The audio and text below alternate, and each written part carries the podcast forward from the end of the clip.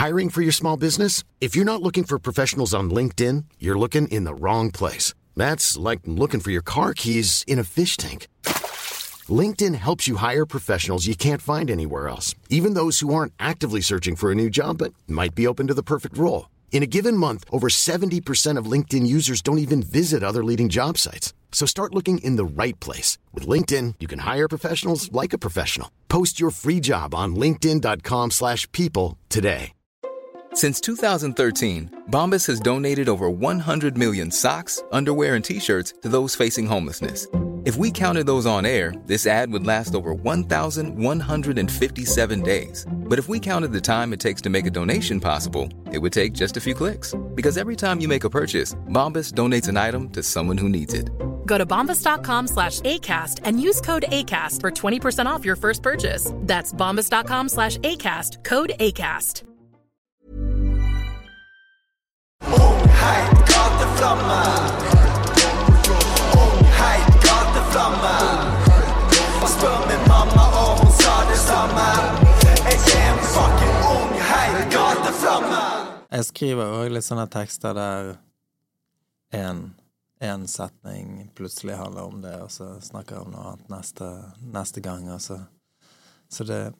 Jeg prøver å ikke være altfor liksom Utleverende der, eller? Ja, altfor ja, alt tydelig. Men altså Men du lager veldig mye musikk, da. Er det, er det Lager du låter hvor du utleverer, og så bare scrapper du de? Ja. Ja. Jo, nei, og det er jo Eller jeg må av og til redigere sanger og sånn. Ta vekk den linjen og sånn. Ja. Du må jo hele tiden Jeg har jo blitt mye mer eh, Det er jo litt dumt, da. Jeg har blitt litt eh, mer opp Jeg har mer å ta ansvar for, så jeg må jo passe litt mer på enn før. Hva, tenk, hva legger du i det? Nei, at eh, At altså, når du er i studio og sånn, så kan jo du på en måte Fordi at eh, Så du kan ende opp med å si ting du ikke står for etterpå. Det er jo litt som å være på fylla. Det er jo litt sånn at du sier Du kommer inn i character, og så sier du noe jævlig drøye greier. Ja. Og så Og det trenger ikke engang være sånn utleverende og liksom om privatliv og sånn, men, men du sier jo av og til ting som du kanskje ikke har lyst til å stå for sånn 15 år etterpå, eller liksom Ja. Og jeg har mye mer på en måte jeg har, De siste ti årene så har jeg mye mer tenkt på sånne ting enn enn før det. Før Ja. Før så Før så var jo det så spesielt å være i studio og få stemmen sin tatt opp at eh, du tenkte at det Eller liksom Det var jo Det dette er verdt å gjøre uansett. Eller liksom dette Nå fikk jeg sjansen. Nå har jeg spilt inn. Nå har vi en sang. Dette er det. Men eh, Men eh, man blir jo mye mer selektiv etter hvert. Mister man litt den derre spontaniteten av å bli så Eh, Nei, spontaniteten er jo der i studio, men eh, du mister den når du tar den vekk. Eller liksom når eh, eh, Nei, det er ikke sånn at jeg redigerer meg sjøl før jeg gjør det, men, men jeg gjør det. Eller liksom jeg prøver å passe litt på at eh, Ja. Grunnen til at jeg spør, er jo ofte fordi at de låtene som blir Jeg føler hver gang noen har hatt en låt som har gått jævlig bra, og så blir man spurt om prosessen, og så var det sånn Nei, det var bare Tok en halvtime, og så ja. ble det en smash. Og at de gangene hvor folk liksom skal drive og pirke for mye i en låt, så mister man den derre følelsen eller godflyten som var i det det bare kom. Ja, jeg tror det er liksom forskjellige typer sanger. Da. Noen sanger tar lang tid å lage, men no, og er gode fordi at eh, det Eller liksom Jeg tror ikke Kendrick Lamar bruker kort tid på måte lage sangene og sånn, men uh, Men det tar jo kort tid å bare komme på med ideen, eller liksom Og, og jeg tror bestemusikken er når du greier å kombinere en eller annen sånn musikalsk frihet og liksom impulsivitet som oppstår i studio, og så du liksom uh, klarer å beholde det, selv om du har lyst til å skrive teksten bedre, eller hva du har lyst til å gjøre. Eller liksom gjøre temaet på sangen bedre, eller liksom mer grundig. Men eh, Men eh, Men noen sanger er jo impulsive, og noen er jo gjennomtenkte. Og jeg føler du har en god bland... Jeg føler Ja, er du har veldig Noen sanger er jo Ja. bare rett eh, Eller liksom er jo kjapp å lage, liksom. Nå er det- Bare Kommer denne kjenningsmelodien nå? Ja, Den kommer din, okay, Ok, di- Vi starter med din stemme. vi vi begynner der, da. Hvorfor, eh, hvorfor, eh, hvorfor spurte du aldri om å låne den? Nei, det er et godt spørsmål. Jo, men det, vi har jo snakket om det. Ja, ja, ja. jeg sier 'hvorfor har du ikke Hvorfor, hvorfor har ikke du spurt om dette?' Du det- kunne bare spurt. Ja, det er et godt spørsmål. Men spesielt òg liksom sånn eh, Du er jo opptatt av sånne ting. Ja. Og det er helt greit, liksom. Jeg, tror, jeg skal være helt ærlig, så noen ganger så glemmer jeg hvor stor outreach det er. Sånn som når jeg starta en liten podkast yeah, for det på en måte som fortsatt i hodet mitt da var for noen venner, på en måte, eller yeah. sånn på en så lite skala, og så glemmer man at ja, at det når ut til masse mennesker og sånn. Og det, og det var jo litt sånn som jeg skrev til deg da, at jeg hadde jo liksom Jeg produserte jo da podkast via moderne media, og hadde liksom fylt ut tonopapirer og gjort alt riktig. Så det var en sånn Når du sendte den meldingen, så var det sånn Ja, nei, det har jeg ikke gjort. Og det, Altså, det Men- det- men Du er opptatt av liksom på en måte kutyme og sånne. Jeg syns det var rart at du ikke hadde tenkt på det. ja, det syns jo obviously jeg også. Ja, ja. Men, eh, men det Det er jo all good. Jeg reagerte vel akkurat sånn som jeg reagerer på å få det spørsmålet for andre gang. reagerte jeg vel Det var akkurat ikke samme deg helt ut. Nei, nei, nei, men, men- bare- jeg, bare, jeg bare tenkte shit, når kommer frihet når du ser på, liksom, så, så kommer jo musikken. Men dere sitter jo bare og snakker. Ja, det er jo litt den der måten jeg starter den podkasten her, er fordi at med nordmenn generelt, hvis jeg sier sånn Nå starter vi, Ja, ja. så endrer tonen og stemningen seg i rommet. Da går det fra en god dialog til å bli den viben fra vårt forrige intervju, at det blir sånn Ok, nå skal jeg få et spørsmål, skal jeg svare. Sånn at eh, det er vel egentlig den strategien. Eh, Så vi gjør det i etterkant. ja. Men ja, nei, det er Og det er ikke så lenge siden jeg snakket om det sist. Den der. At jeg har, jeg har sånn Jeg tror det er sånn tre historier i livet mitt hvor jeg har blitt callet ut på den måten. Hvor jeg har blitt sånn Det første gangen var når jeg gikk på barneskolen og ikke hadde lyst til å bli med på tur, så jeg sa løy til læreren og så sa at jeg skulle være hos besteforeldrene mine, og så, hadde, og så ble jeg ferska i det. Det var liksom forrige gang, når du sendte den meldingen, så satt jeg kjent på ah, det er den samme følelsen som det var ti år og ble ferska i eh, det greiene. studieinspektøren kommer. Ja, ja. Hva faen? I disse dager da, så er det jo veldig sånn, ikke sant? Karpe har hatt ti ganger Spektrum, Stig hadde akkurat Spektrum, og sånn som jeg nevnte litt i stad, så hadde jo du eh, booket Spektrum, og så valgte du å avlyse Spektrum. Hva var liksom historien der? Ja, nei, det var jo det at uh, jeg hadde Jeg hadde en skilsmisse på gang, så det var egentlig uh, Når Altså, vi skulle spille i april, tror jeg.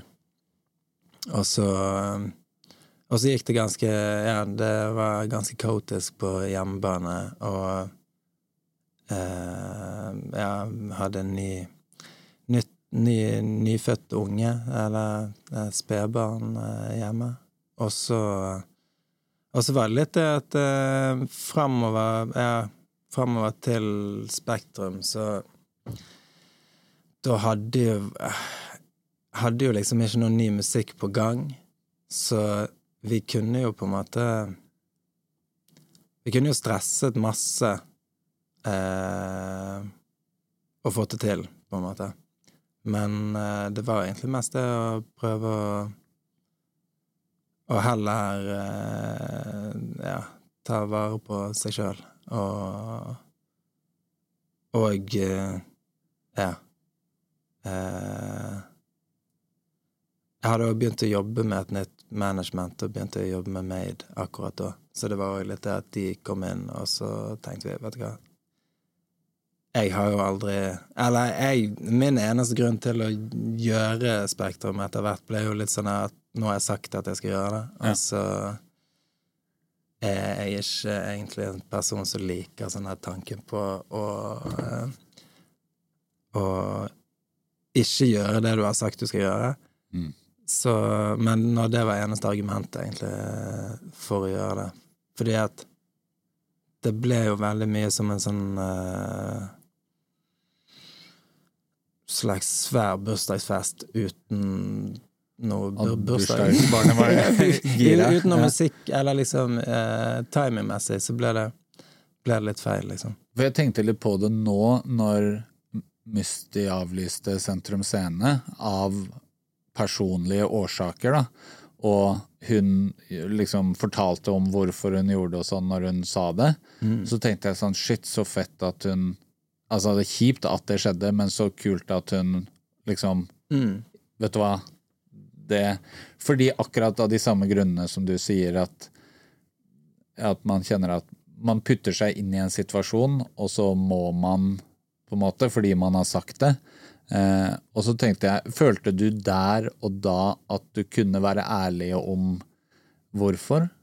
For det ble jo en sånn snakkis fordi Eh, det på en måte Nei, jeg kunne ble, jo egentlig ikke det, fordi at, uh, jeg, fordi at jeg ikke har lyst til å sette ut en story om at uh, uh, jeg skal skille meg, holdt jeg på å si. Eller altså Ja. Det var det som var greien da, liksom. Så, Ja. så for meg så ble jo det bare sånn at ja, nei Konserten er avlyst. Ja. for, men det er det som er liksom problemet med liksom å verne om Eller liksom å, å verne om privatlivet og prøve å ikke eh, åpne opp den døren for mye. jo mindre informasjon man gir folk, jo mer historier lager folk. At Ja, det, det, på en måte Det var jo liksom sånn eh, Eller, jeg møtte eh, Jeg møtte jo en eller annen fyr som Som Som på byen bare sånn ja, ja, ja, du, har ikke solgt billetter.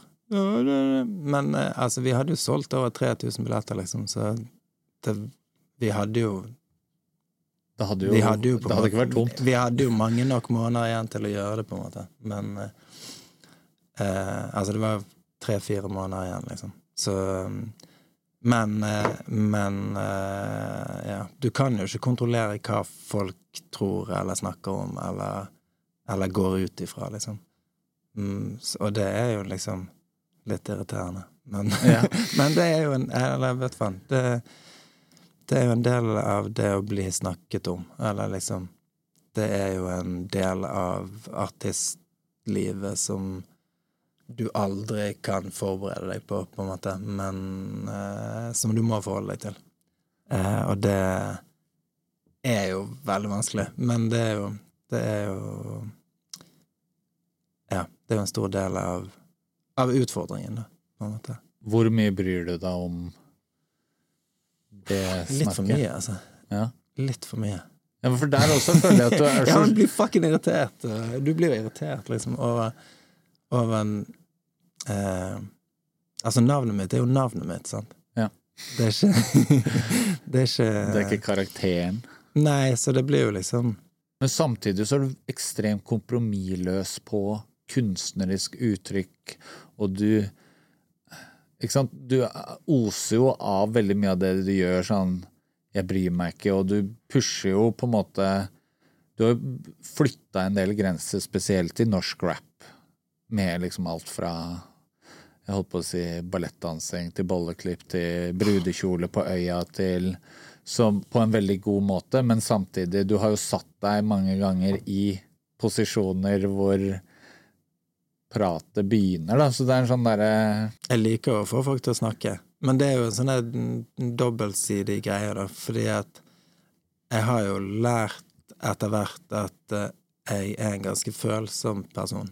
Eller liksom sånn eh, Altså, kunstnere er jo ganske følsomme. De er jo opptatt av hva som blir sagt, og eh, eh, Og det hadde vært greit hvis du på en måte kunne skru det av, men greien er jo at liksom Enten så må du slutte, eh, og da slutter folk å snakke. Og det er jo helt greit. Men hvis du skal drive på med det, så må du på en måte finne en eller annen måte å bare akseptere at eh, at ikke alle kommer til å verken like deg eller å forstå hva faen som skjer, og jeg vet ikke. Nei, det er bare en del av pakken at eh, at eh, det er mange oppfatninger der ute. Eh, men Men jeg, jeg hadde jo Jeg hadde jo Det hadde jo vært en løgn å si at jeg absolutt ikke bryr meg om hva folk sier, liksom. Nei. Men eh, Men det er jo forskjell på å bli irritert over noe og å ja, la det styre på en måte hva musikk du lager, eller hva, hva, hva du velger å gjøre sånn kunstnerisk. Altså. Nå eh, er det jo helt klart at du ikke lar deg Eller sånn Når jeg hører på musikken nå, så følte jeg at det her er Det er deg, det er Det er Ja. deg i studio, studio, og det er leken. Ja, men, føl, men følte du det Har du liksom følt det noen gang, at når du lager musikk, at ah, nå blir jeg bare styrt av Altså, ref det der å booke Spektrum, og så kjenne på det der at nå Nei, kanskje ikke det å lage musikk, men uh, uh, Men du føler jo hele tiden på Eller liksom, du er jo i en musikkbransje. Det er jo Alle skal jo gjøre det samme. Og alle Eller liksom eh, Det er jo en forventning om at du skal være med på det som Enten det som eh, er en suksessoppskrift som andre har lagd, eller som du sjøl har lagd. Og det, det er jo noe å passe seg for, liksom. Og ikke bare gjøre det samme hele tiden. Når følte du at du fant liksom ditt uttrykk?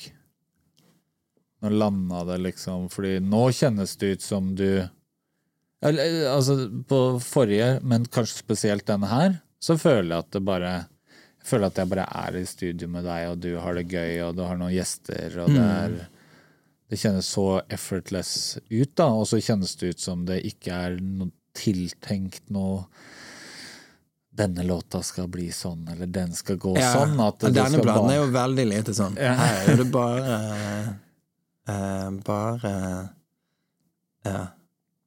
Ikke singler. bare album. Men eh, nei, jeg tror på en måte at jeg fant liksom Den planen som heter Du betyr meg, fra 2011. Så føler jeg liksom at det er Der er, er liksom min Der blir jeg liksom meg sjøl, på en måte, føler Ja. For der er det en blanding av liksom eh, eh, po Jeg får inn mer sånn poet, po poesi og en slags norsk rap-poesi som ikke Jeg føler ikke egentlig var gjort før. Og så lydmessig òg, liksom, hvordan vokalene er, og hvordan Produksjonen er veldig variert, men det Men det er liksom litt sånn indie En eller annen indie- indie-vibe på, på rappmusikken. At det Jeg vet faen. Jeg føler den Der eh, Der og Ja. Det er egentlig der jeg begynner å finne, finne meg sjøl. Du har jo vært egenartig hele tiden, det Ja, syns jeg jo. ja, ja, men at det liksom At det er mer enn bare rapp Liksom rappmusikk Mm. som du kanskje har hørt fra et annet sted, eller liksom Men jeg, jeg føler på en måte at den En sånn ordentlig særegen lokal greie, annet enn at jeg er særegen oppå en beat som høres ut som han er fra fra New York eller LA eller Atlanta eller Houston eller et eller annet sånt. Men, eh, men jeg føler også at produksjonen på en måte begynt, begynte å, bli veldig eh, Noe andre folk ikke holder på Eller liksom, ja, noe særegent meg, da. Og jeg tror òg at, at den variasjonen som den platen har, den, den er noe som er særegent meg og som og som jeg på en måte egentlig er litt inne på, på på den nye platen min. Så du hørte på låtene i, i går, liksom. Jeg hørte ganske langt tilbake. Hørte vel halve katalogen, på en måte. Så langt tilbake hvor det kjentes ut som en annen person. Men, Ja, ja, men jeg satt og tenkte på at jeg får litt samme følelsen av deg som jeg får av The Streets eller Mike Skinner. Fordi han kjennes det ut som jeg er på fylla med han. på en måte. Han bare er en britisk fyr. Han er seg selv. Veldig Mm. Ja, Veldig en veldig sånn eh, muntlig. Ja. Muntlig i stilen. Men jeg føler litt det samme med deg også, at det er Det, å høre på deg føles det som å henge med deg, på en måte. Og da er det jo på en måte Da har man jo men jeg- fått til noe jeg musikalsk, da. Jeg tror at eh, Ja, men jeg tror også at jeg er opp, opptatt Iallfall til tider veldig opptatt av en sånn lignende muntlig fortellertradisjon som han òg driver med, liksom. Eh, selv om vi rapper på helt forskjellig måte, liksom. Ja, ja. Eller, men, men, men noe av det som jeg liker med han, er jo det at det høres ut som å sitte på puben med en som snakker, liksom. Ja. Og det og ja. Og det er, det er noe sånn poetisk i det òg. Eller liksom Som, som jeg òg kommer innom stadig, tror jeg. Det tror jeg du har helt rett i. Etter den uh, Spektrum-skilsmisse eh, Eller at du var midt i en skilsmisse og sånn, så, så tok du en liten pause, og så kom det noen EP-er som føltes ut som det var veldig Det er sånn mixtapes, på en måte. Jo, Ja, men, det, men det kjentes veldig lekent, og det kjentes litt ut Og nå bare prosjekterer jeg masse på deg, så du får svare ettersom. Men det bare kjentes ut som det er litt sånn back to basic. Litt leke, litt eh, lage musikk og sånn. Ja. Og så kom veldig det uten tanke på på en måte å gi ut et prosjekt, eller liksom gi ut en plate, da. Ja. er, eller liksom et album. Hvilken funksjon hadde de slippene sånn for deg, sånn musikkmessig, progresjonsmessig? Eh, nei, egentlig bare for liksom at booking og folk skal være Ja. fornøyd. Ja. 100% 100 Altså, det er bare Nei, de ga vi bare ut fordi at vi hadde spillejobber. Ja. Jeg hadde jo ikke på en måte noen sånn ambisjon i det hele tatt om det. Eh, og det var Ja, men altså, når du er artist, så forventer folk liksom at eh, det skal komme musikk. Det skal komme plater. Men rent sånn kvalitetsmessig Så jeg har jo ikke tid til å gi ut en plate i året, liksom. Eller sånn her Jeg trenger mye mer tid enn det for å liksom sitte og finne ut hva, hva jeg syns er verdt Eller liksom hva jeg kan gjøre til, til noe som jeg, jeg liker veldig godt, liksom. Eller som, noe som skiller seg ut. Jeg tror jo at på en måte Ja. Jeg, jeg tror jo at eh, jeg- tror jo på å bruke mye lengre tid, da. Eh, men eh, Men sånn loading én og to er jo på en måte bare meg som prøver å være med på utgivelsesrutinene til en platebransje. Ja. Eh, og til Ja. For jeg har jo jeg har lyst til å tjene penger, så jeg sier ja til konserter. sant? Ja. Men de blir jo gjerne solgt inn eh. De blir jo gjerne solgt inn med at eh, ja, han kommer med en plate da og da. For da har jeg sagt ja. sånn der, Ja, ja, ja, det kommer en plate. Ja, ja, det kommer. Og så plutselig finner du ut å shit, jeg må gi det ut. Så, um, Men føler du ikke Ja, for de så, er, så de ser jo en Loading 1 og 2 er jo på en måte liksom sånn eh, Resultat av at ok, nå har du disse gigsene.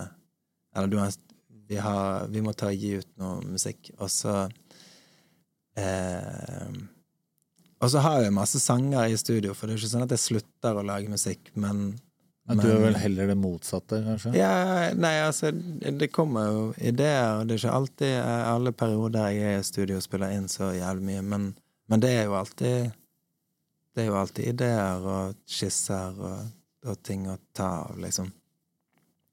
Så eh, Så det er jo grunnen til at de er på en måte ikke sånn veldig sånn gjennomarbeidet sånn sett, og at det bare er litt sånn tilfeldig vibes, liksom. Ja, men det er for så vidt det jeg tenkte når det kom. Ja, ja. Og det, Og- og det er jo kult. Men det, er, men det er også litt sånn Det er morsomt det der at du føler at du må slippe musikk. For jeg tror jo ikke det er sånn at Jeg bare tenker sånn hvis, Hvis jeg skulle kjøpt billett til en Lars Vaular spillejobb nå, så er det ikke viktig Jeg tror ikke det er så mange av de som går på konsert med deg nå, som tenker at det er dritviktig at du slapp en EP i sommer.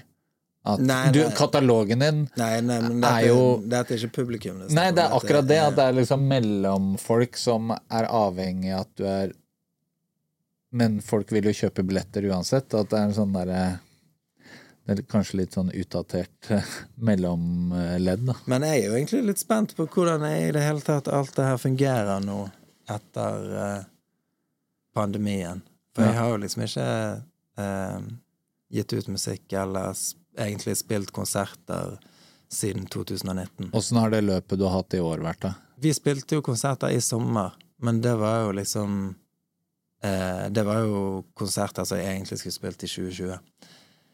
Så det de òg har Eller de har jo liksom gjort eh, For å bli ferdig med 2020, på en måte. Og så kan jo Eller Og der har jo jeg hatt mye ny musikk, men jeg har ikke spilt det, den musikken på de konsertene, så Så eh, Og det er liksom waste å å, å, å bare fylle hele konserten med ny musikk når det er ingen som har hørt den. Eller liksom, det er litt risky Ja. risky business. Men, uh, men jeg gleder meg veldig til å liksom komme ut i januar og se, se hvordan, hvordan verden, verden er der ute.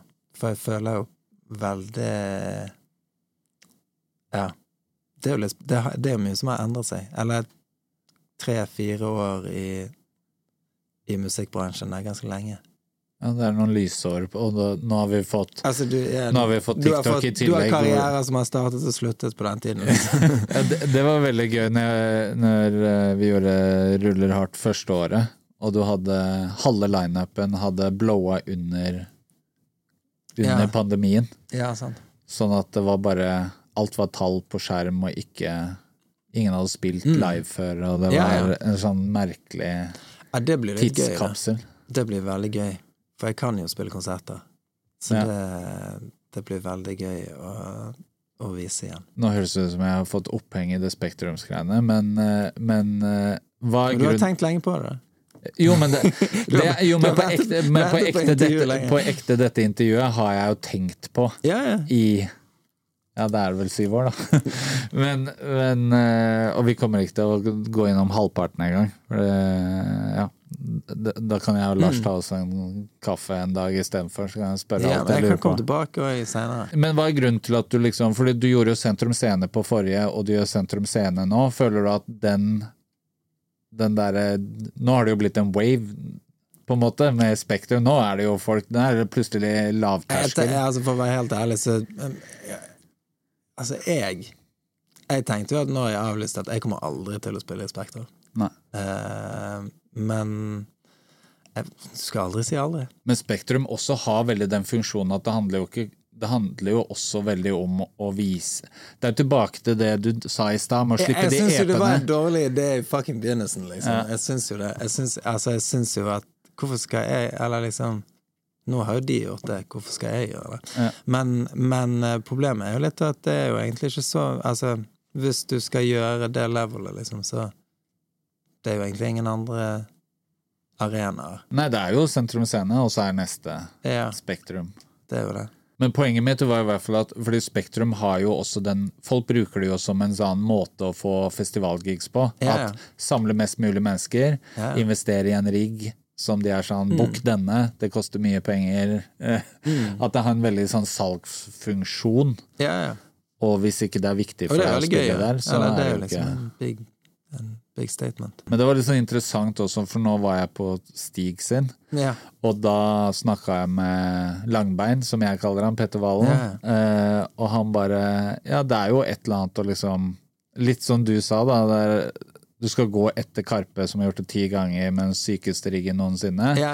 Og så begynte de å få et snev av mindreverdighetskompleks. Han derre faen, skal vi bare yeah. Skal vi bare booke masse greier for å prøve å toppe de? At Mm. Det blir blir sånn race? At det blir et race? Ja, nei, det, det, det er jo Men, men uh, Ja, det er jo lett å bli fanget i en sånn der uh, Det må jeg også gjøre. Ja, eller bli fanget i en sånn uh, oppfatning av at eksplosjonene på scenen, eller liksom alt eh, Neonlysene og liksom, eller liksom at effektene er det viktigste. Og at eh, du kan på en måte kjøpe deg eh, bra en, en Altså, ja, at du kan Du kan kjøpe en bra performance. Det, det er jo Ja, jeg, jeg er jo litt sånn redd for, for det, da. Ja. Og, eh, og det er jo Det er jo på en måte det eh, Hele denne greia med brudekjolen, og at jeg flyr med en brudekjole, det er jo på en måte liksom en kommentar til at shit Altså Du trenger liksom ikke en LED-skjerm eh, Eller liksom Du trenger liksom ikke alle, alt det dyreste greiene for å gjøre inntrykk. Eh, og jeg, jeg Jeg jobber jo på en måte med med det som en del av uttrykket mitt, at begrensninger skaper òg muligheter. Og at uh, det er en For meg er det liksom en, en eller annen uh, inspirasjon og motivasjon i det å prøve å gjøre mye med lite. Eller å gjøre stort inntrykk med lite virkemidler, da, på en måte. Eh, og det Det er jo ikke alltid like lett å, å mestre, og så er det ikke alltid like lett å uh, ja, få, til i det hele tatt. Men uh, Men ok, men da er det Da havna vi akkurat der fordi eh, jeg kanskje trodde at tanken og at du kom til å svare, fordi da Jeg bare føler at det sier noe når du da skal Du skal slippe nytt album. Altså Vintage Valor, du skal slippe ny skive. Førstesingelen din er en politisk kommentar. Det er på en måte et la- totalt, Jo, men det er liksom totalt først- jo, men litt sånn der, Jeg tenkte når du gjorde det, så tenkte jeg Hvem andre enn Lars kan slippe Det er jo egentlig en lang tweet, låta di, men den får bra med streams, den får traction, får, og den er jævlig bra, men jeg bare tenkte litt den derre Når du snakker om at muligheten ligger i begrensningene Det var litt det jeg tenkte når du slapp den. At der sitter jeg på T-banen og bumper en låt og syns den er dritfett, men du egentlig Det er narkotwitter bare i låtform. Altså, det bare Jeg vet ikke, Ja, jeg vet ikke hvor jeg men, skal med det her engang, men det bare var sånn mind-blowing for det, meg. jeg vet ikke hvor jeg skal med. Men, eh, men nei, jeg tror at eh, For meg så er- Der er det en historie, da. Ja. Eller liksom der jeg, jeg tenker jo på hva jeg kan liksom bidra med som ikke de andre folkene bidrar med. Og, og da Det er jo en ting som ingen snakker om. Eller, men som, som egentlig angår alle, liksom. Altså Spesielt liksom eh, norsk rap. Altså eh, Den norske ruspolitikken er jo Det er jo en veldig stor del av hva alle rapper om, egentlig. Eller liksom hva alle er en del av, mer eller mindre, liksom. Koster det deg noe å være Altså, du har jo hatt politiske drypp hele veien, og du har jo stilt opp på mye. Alt fra eh, Du gjorde en sånn Noah-reklamefilm, du gjorde Du har jo stilt opp for UNICEF Amnesty, var det det? Eller? Var det noe med flyktninger Eller var utkastelsen Når du holder en oh, ja, sånn den er- jule, ja, juletale Ja, ja, ja, Ja. riktig. Men du har jo hatt sånne drypp hele tiden, men den her er jo veldig, veldig konkret, og her har du jo vært veldig aktiv i sosiale medier, men koster det Fordi folk er jo redd for å være politiske i musikken. Mm. At det er, jo, det er jo noe Apropos norsk rap, det er veldig lite av det fordi folk er redd for og nå har jo norsk rap blitt helt kumbaya med. Alle er venner og ingen altså sånn, Det er ikke beef lenger fordi folk tydeligvis alle elsker hverandre, men Mm. det er en annen diskusjon. Men, men koster det deg noe, føler du, å stikke ut hodet? Det koster ja, men det, altså, det koster ikke så mye, det. Eller Nei, jeg veit ikke om du liksom har følt at ok, det, stenger det dø Føler du at det stenger dører? Eller? Ehm, Jeg føler jo at eh, Folk kanskje ikke spiller på ju, en, no, noen enkle julebord. ja, nei, i altså, regi av politiet, altså events, eh, eventmarkedet er jo på en måte, ikke drevet av uh, politisk rap, på en måte. Det er, eventmarkedet er mer drevet av uh, Hits. Men det er drevet av synlighet, da. Så eh, altså Shout-out Venstre. Uh, så det Du kan få noen jobber på, på litt politisk rap òg, men Men, men Altså jeg, jeg, Det jeg liker med den sangen, er jo det at jeg faktisk har noe å snakke om. Altså, vi Ja. skal brekke ned krigen mot narkotika. Det, det er krig mot mennesker. Folk dør i hopetall. Ja. Det, Jeg lærte, jeg lærte noen jeg har brukt, ja, Det er et par bars der som jeg nå bruker i diskusjoner. Ja, ja. Men det, altså for meg så er det mye mer inspirerende å gå og snakke om den sangen enn å snakke om eh, en Ja, snakke om en, en vibes-sang.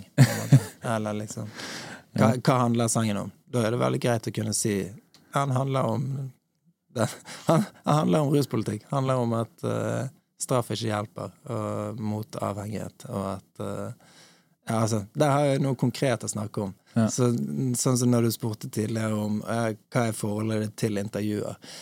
Vel, intervjuer er jo bare Jeg syns det er vanskelig å snakke om meg sjøl, jeg, men jeg liker å snakke, så hvis jeg har noe å snakke om, så er det mye enklere for meg å gjøre intervjuene. Så å ha en sang, eller å liksom vite hva, hva det er vi skal snakke om med den sangen, for eksempel, så er jo det inspirerende for meg, på en måte.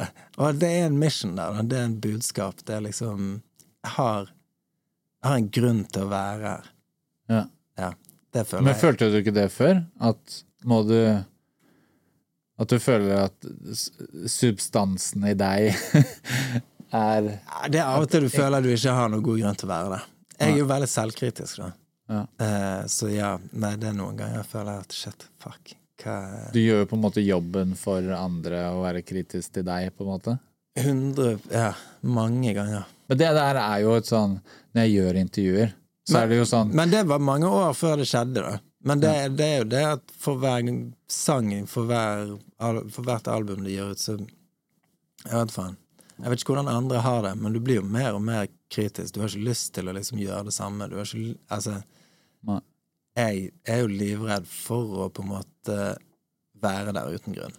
Eller liksom men da, men da kan jeg også si Hvis jeg blir invit... Hvis jeg kommer Jeg kommer ikke på en fest sånn der jeg Det der jeg ikke skal være. Eller liksom, altså eh, Ja.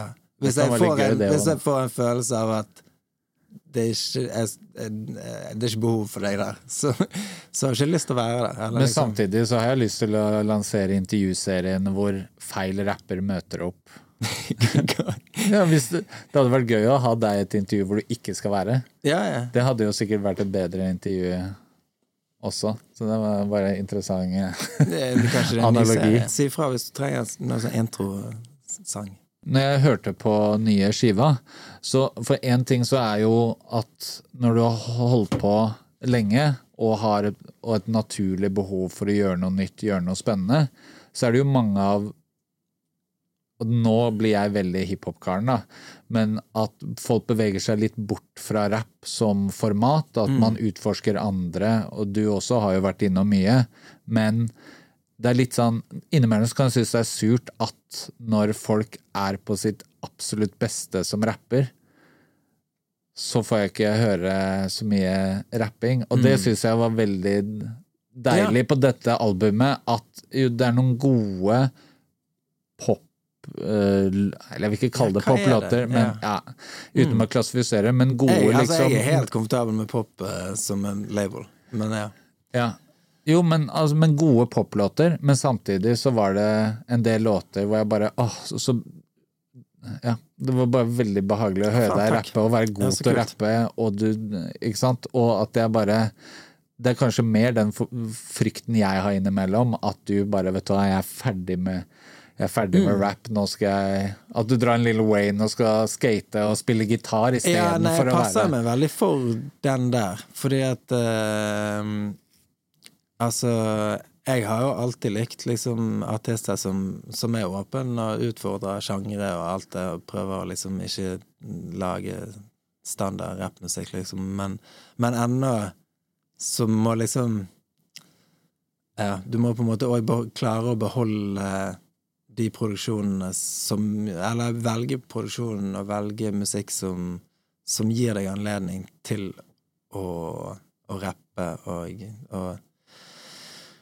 å bruke Hva skal jeg si Bruke ordene og bruke Bruke de tingene du er god på, da, liksom.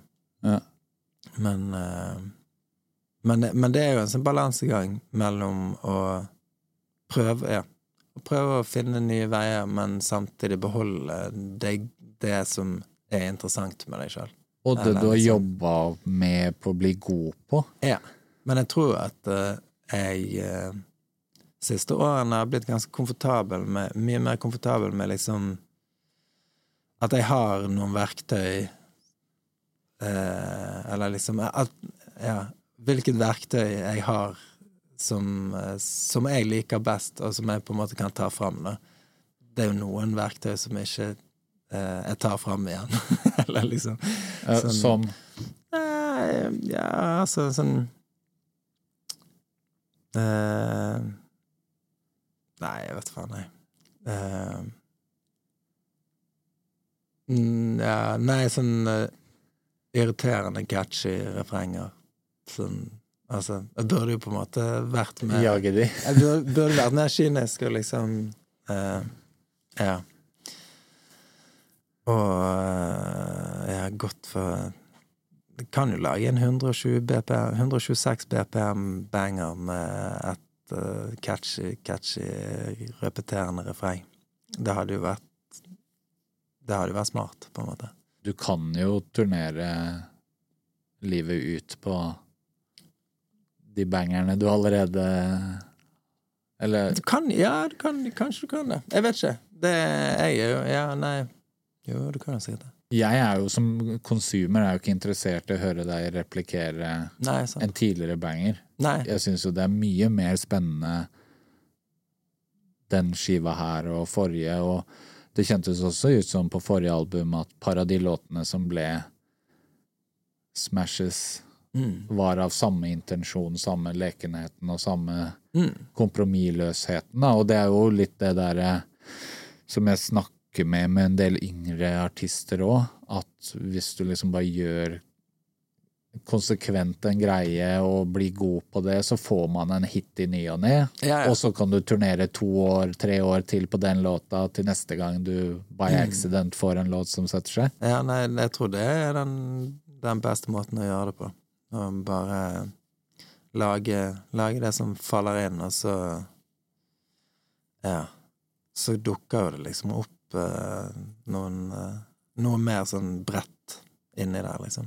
Men hva motiverer deg til å lage album nå? Du sa at eh, eh, du trenger god tid. Hva, hva er det som må falle på plass for deg for at du er sånn ah, nå har jeg et al-» Altså, Begynner du å jobbe mot et album, eller er det mer sånn du jobber med musikk, og så blir det et album når et eller annet faller på plass? Det er litt uh, Litt uh, sånn her og der. Men uh, nå har jeg jobbet med Geir, Geir Øyvind Hvitsten på dette albumet. Han har produsert alle sangene. Og, og meg og han har liksom Vi begynte jo egentlig å spille inn i 2020, og så og da var det liksom en sånn eh, god periode der eh, Der det virkelig ikke var noen deadlines eller liksom ting å rekke, eller eh, ikke noe sånt. Det er vel den du linja du har, sånn at du spiller tennis eller squash eller noe, husker jeg ikke noe parafrase jeg vilt. Å ja. oh, ja. Nei, padel. padel. Er jeg. Jeg har, ikke, jeg har ikke kommet på padel. Men, men, men ja, det, den tiden der liksom Så følte jeg liksom ok, nå er, nå, nå er det på tide å lage et album, for nå, nå har du liksom god tid og kan Det er jo òg noen rare sånne psykologiske knapper som skal skrus av og på inni hodet, men da tenker jeg sånn ok, jeg har ingen har ingenting å rekke. Nå har jeg tid til å leke, og, og følte liksom sånn en sånn deilig deilig frigjørende kreativitet. Eh, og det å finne liksom flere produksjoner sammen med Geir som jeg føler liksom snakker litt sammen, og for meg har jo det ofte noe å si. Hvis det er liksom enten beats eller måter å rappe på, eller liksom Altså, jeg leter etter litt sånn ting som jeg føler kan sitte sammen etter hverandre som sanger, liksom, i, i et verk. Eh, men eh, Men så kommer det an på eh, liksom når et album skal ut. Nu, vi kunne jo gjort ferdig den skiven det året, eller liksom våren etterpå, men da, da ble det det at det er ikke noe poeng å gi ut et album nå når vi ikke kan spille på Eller gjøre en turné på det, sånn liksom, fordi at når du har brukt såpass lang tid på og, og brukt mye energi og tanke på noe, så har ikke du lyst til å liksom bare blåser det vekk, og så er det bare Var det bare sånn korona, 15 personer på stoler, type spille konserter? Du har ikke lyst til å liksom kaste Nei. vekk eh, arbeidet ditt på det. Så da ble det det at ok, vi kuler den med å gjøre ferdig eh, disse skissene. For da er jo albumet er jo på en måte bare sånn 50 ferdig. Vi, vi venter til det på en måte er forutsigbart, og, og, og at vi kan spille konserter og sånn. Og så kommer det til det at når du liksom ser at ok, nå kan vi sette en turné og sånn, så så er det jævlig vanskelig å gjøre ting ferdig. Så det tar jo, det tar jo plutselig det mye lengre tid enn du tenker, liksom. Eller Og da Ja. Uh, og da plutselig har det gått Har det gått tre år, liksom. Men uh, Men ja. Men må, du- eh, føler du at du er nødt til å ha en deadline? For det, det er litt sånn du Deadlines tre- er jævlig tricky, da. Det som Ja, er, det er det, av og men- til så gjør de at du liksom mm, blir så stresset at du ikke gjør det ordentlig, eller Men, men du må jo bli ferdig. Eller liksom du De har jo en funksjon òg. Mm. Men eh, jeg tror at det er en del ting som er viktig å bare ha ha liksom bestemt før det der tidspresset kommer, da. Men la oss snu på det. Hva gjorde at du følte at det albumet her var ferdig? At nå? Nei, det er jo bare Altså, du er jo aldri helt sikker på om det er ferdig eller ikke. Det er jo det. Eh, men nå er Du velger jo Du tar valg, og så må du være fornøyd med det valget. Men altså, jeg kunne jo holdt på i all evighet. Det er derfor Ja, det er det jeg mener. At da er det det jo er digg derfor kan jeg er drive og remasterer uh, sangene og albumet og laster opp nye versjoner. Og, altså liksom, det er jo fordi at han uh, Han har det privilegiet og er en, en sånn skrue, holdt jeg på å si. Men, eh, og det hadde jo jeg holdt på med hvis, Hvis du var hvis, Kanye. hvis jeg var helt fucking crazy. Men hadde skiva kommet nå, hadde det ikke vært for at turneen var satt? Nei, sant, han hadde jo ikke. Nei. Eller nei, nei, men det er sånne ting, da. Du må jo Men det er det som er bra. Ja. Du kan jo ikke bare leve inni din egen boble. Um, du må jo forholde deg til omverdenen og, og de reglene som er der òg. Og der føler jeg på et eller annet nivå at du i mye høyere grad enn veldig mange andre kunne ha levd i den bobla ganske lenge. Ja, ja. Altfor lenge. Ja. For, fordi at eh, Motivasjonen er jo først og fremst å liksom utforske noe for sin egen del. Eller liksom Ja. Jeg Jeg liker Eller altså jeg, Ja. Selve kunsten av det er jo liksom bare for seg sjøl. Eller bare for, for meg sjøl. Men så er det et eller annet sånn konkurranseinstinkt som gjør at uh, Eller Og eh, penger. Altså det er andre, andre ting du har lyst til å få til, liksom. Du må, du må gi ut ting. Men i utgangspunktet så, så er, er det kunne jo vært nok for meg å bare være i studio og, og leke der. Og utfordre seg sjøl. Ja, altså Når du har den katalogen du har, så kan man jo på en måte kjøre Postgirobygget og bare spille de gode, gamle låtene. Ja, ja, men, det, ut, men jeg liksom. tror det er det som er greia, at jeg gidder jo ikke spille konserter der du må spille de samme sangene om igjen og om igjen. Eh, så noe av motivasjonen er jo det å ha nye sanger å spille på, på, på konserten for å, for å gjøre det gøy, liksom. Eller for at alle skal ha det gøy. Men når du snakker om konkurranseinstinktet ditt, hvilke liksom artister eller norske Ja, rappere får Lars Vaular til å tenke Uff, nå har jeg lyst til å gjøre noe, eller nå må jeg i studio, Nei, er eller nå har jeg beviset. Det er jo hvem som helst. Ja. Det er Han er FY Stacks. Altså, det, det er hvem som helst, egentlig. Det er Ja. Men når, har, du sånn, har du noen sånne eksempler? Har, har du noen sånne øyeblikk hvor du bare Oh shit, nå har jeg lyst til å vise hva De har glemt meg. På. Har du et ludicrous øyeblikk hvor at uh, folk må ikke glemme Ja, jeg tror ikke det, ja, de har jeg hele tiden, altså. Ja. sånn, hver gang jeg åpner Instagram, ser jeg noe, blir jeg misunnelig. Så Men det varer ikke så lenge. Nei? Nei, altså Du blir jo inspirert eh, av å se folk Altså, du blir jo inspirert av å se Karpe og se Stig og Arif og, og, og alle sammen, egentlig, som, som på en måte gjør store, store scener og, og masse scenografi og sånn. Det Det er jo Det er jo inspirerende og Ja. Og, eh, og du har jo lyst til å, å, gjøre, å gjøre Kanskje ikke akkurat det, men å bare gjøre noe, liksom. Og jeg tror at Jeg tror at det er noe av det liksom det, det konkurranseelementet som er i rappmusikk, er jo på en måte noe av det som gjorde det til det jeg hadde lyst til å bruke hele livet mitt på. Fordi at det Én ting er liksom tekster, og at jeg syns det var gøy å skrive tekster og sånn, men den andre delen av det er jo det at det er på en måte litt som en sport òg, liksom.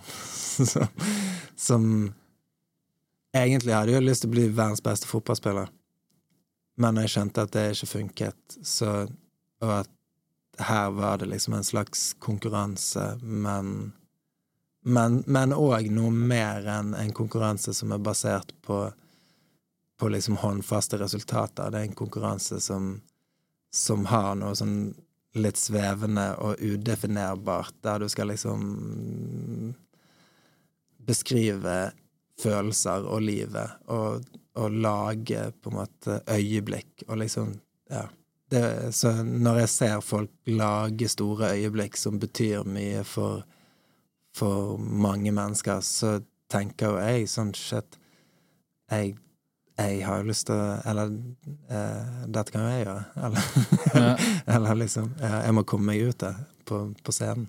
Men jeg føler også at når du er featuring-artist, det er da jeg hører den derre der, At hvis du driver Hvis vi skal kalle det rap en sport, da, så til vanlig så er det jeg vet da faen, er kunstløp som er eh, vanskelig å, å At det bedømmes på en annen måte. Men når jeg hører deg gjøre featuring, så er det da jeg tenker at du går 100, 100 meter på skøyter. Det er da det er når jeg hører deg på Tøyenholding, eller når Tommy har lurt deg på 40 prosjekter, at det er sånn oh snap. Ja, det er noen ganger, men noen ganger føler jeg at jeg, at jeg liksom jeg stresser Eller sliter litt med å på en måte stille meg inn. Eh, Sånn, eh, det er noen, noen Men med Tommy så er det ofte Der er jo liksom Det er jo som å være i mitt studio, på en måte. Eller liksom Der er jo det bare helt uh, tilfeldig nesten hva jeg gjør. Eller der er jo det så slapp, av, avslappet sånn eh, Det er så la- la- avslappet at vi ikke får alle låtene. Ja, ja, nei, altså, der kan jo det dukke opp en låt som jeg ikke har anelse om eh, hva jeg har sagt på i det her. Denne ene med Josef og Jonas i fjor er jo sånn Jeg bare wow, shit. Ja. Hva, hva, er, hva er det de sier? Ja, apropos interlåta på denne podkasten, det var jo plutselig mitt Abidasi-intervju var sampla på en av de fluslåtene. Ja, sant? tenkte, ja, ah, ja. ja. Hvordan følte du deg da? Sant? Hvordan var det Nei, for deg? bæret. Men det var Tommy, da. Det er Ja, en annen Ja, du kunne positur. ikke, kunne liksom ikke. Ikke sant? Musikkbransjen er en bransje. Ikke sant? Det er, man skal tjene penger, og man skal spille et spill, og så skal man kompromissløs samt... Eller sånn, så skal man være seg selv. Åssen klarer du å liksom ha den balansen? Er det ved å liksom være i en boble, eller distansere seg helt, eller klarer du det? Det er jo på en måte det jeg har valgt, så du må bare stå, stå i det. Eh, men eh, hvordan klarer jeg jeg, jeg vet ikke, altså. det, prøv å finne Mom deserves the best, and there's no better place to shop for Mother's Day than Whole Foods Market. They're your destination for unbeatable savings, from premium gifts to show-stopping flowers and irresistible desserts. Start by saving 33% with Prime on all body care and candles. Then get a 15-stem bunch of tulips for just $9.99 each with Prime. Round out Mom's menu with festive rosé, irresistible berry chantilly cake, and more special treats. Come celebrate Mother's Day at Whole Foods Market. Hey, I'm Ryan Reynolds. At Mint Mobile, we like to do the opposite of what Big Wireless does. They charge you a lot, we charge you a little. So naturally, when they announced they'd be raising their prices due to inflation, we decided to deflate our prices due to not hating you. That's right. We're cutting the price of Mint Unlimited from $30 a month to just $15 a month. Give it a try at mintmobile.com slash switch. $45 upfront for three months plus taxes and fees. Promo rate for new customers for limited time. Unlimited more than 40 gigabytes per month. Slows. Full terms at mintmobile.com. Since 2013, Bombas has donated over 100 million socks, underwear, and t-shirts to those facing homelessness. If we counted those on air, this ad would last over 1,157 days. But if we counted the time it takes to make a donation possible, it would take just a few clicks. Because every time you make a purchase, Bombas donates an item to someone who needs it. Go to bombas.com slash ACAST and use code ACAST for 20% off your first purchase. That's bombas.com slash ACAST, code ACAST. Hi, I'm Daniel, founder of Pretty Litter. Did you know cats tend to hide symptoms of sickness and pain? I learned this the hard way after losing my cat, Gingy. So I created Pretty Litter, a health monitoring litter that helps detect early signs of illness by changing colors, saving you money and potentially your cat's life. Pretty Litter is veterinarian developed, and it's the easiest way to keep tabs on your fur baby's health right at home. Go to prettylitter.com and use code ACAST for 20% off your first order and a free cat toy. Terms and conditions apply. See site for details. Ja. Jeg har ikke noe så god, godt svar, egentlig. Jeg syns det er vanskelig spørsmål. Ja, men det er jo Jeg opplever jo også at Jeg hadde en samtale med Josef om det, at fordi eh, ta Madcon eller Karpe eller noe sånt, får veldig ofte den derre ah, dere må putte på neste generasjon, dere må sørge for at Og dere, ikke sant. Det er mye det ansvaret. Ja, men dere er jo sånn og sånn og sånn. Og så sa han bare Ja, men faen Hjemme hos meg så prøver jeg å finne ut hvordan jeg skal være pappa. Jeg prøver å finne ut hvordan jeg skal være meg. Så det er helt sjukt å si til meg at det er mitt ansvar å vite hvordan du skal være du, eller hvordan du skal få til. Jeg, ok, jeg har oppnådd det og det, men jeg har ikke, jeg har ikke funnet ut av det.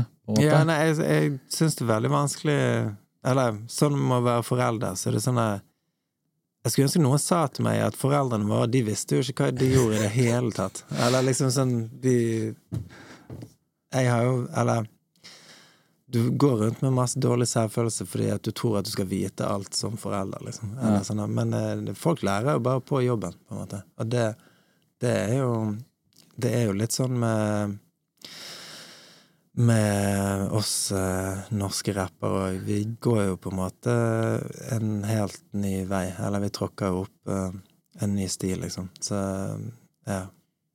Det, det er mye å forvente at eh, at Madcon skal liksom gjøre alt for deg. Du, eh, de, de har nok med å gjøre, gjøre alt for seg sjøl. Jo, men det er akkurat det. Og, Og de har og- gjort nok, hva faen? Eller Ja. liksom, ja. De har jo tråkket opp uh, alle mulige veier. Og bare ble så satt jeg og tenkte på det der, eh, det der med å finne ut av det der å være foreldre. Det er jo sånn, jeg hadde nylig den samtalen med moren min hvor hun bare Hvor jeg bare Jeg hadde akkurat det du sa. Hvorfor, hvorfor lata du som du visste hva du dreiv med? Ja, jeg tror ikke jeg latet engang. Eller det er jo hele jobben, å late som at du, du må Ja. Ja, For jeg bare også innså De forventer jo at du skal vite det, så du må jo late litt. Ja, ungene, ja. Sånn, ja. Du, for- Du, du forventet jo at hun skulle vite det, eller liksom Jo, men jeg bare følte at jeg på et eller annet tidspunkt Når du så på henne sånn. Ja, men jeg bare satt og tenkte at jeg Jeg har kjent på det der at når kommer det punktet hvor jeg vet åssen ting funker, og at jeg bare er voksen, og så bare innser du akkurat det der Ja. at å ja, nei, jeg bare er sånn clueless. Ja, men det er den gamle Livet greien om å være i øyeblikket og alt det der. Men så sier du òg at du må planlegge langt i forveien. Så det er vanskelig. Du skal være mange steder samtidig. Apropos planlegge.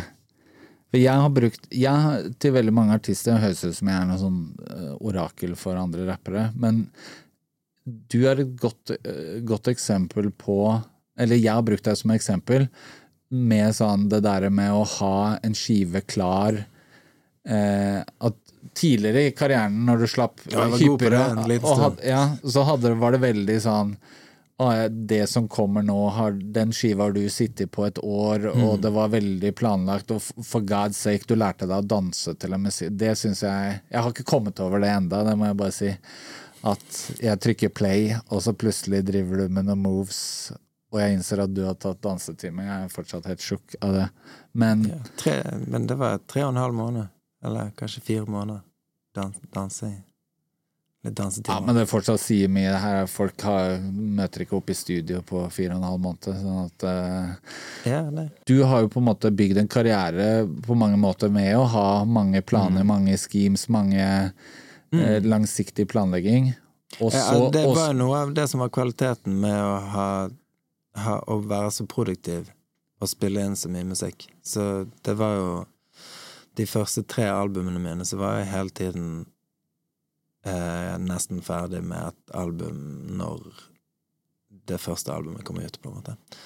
Så det å bare ha, ha det Ha det at du er litt i forkant, det var jo utrolig viktig. Sånn at når det først ble Når det først ble litt uh, action og ting skjedde, så kunne du følge det opp jævlig kjapt, og så kunne du følge det opp igjen neste gang. Så, så det Det uh, Ja.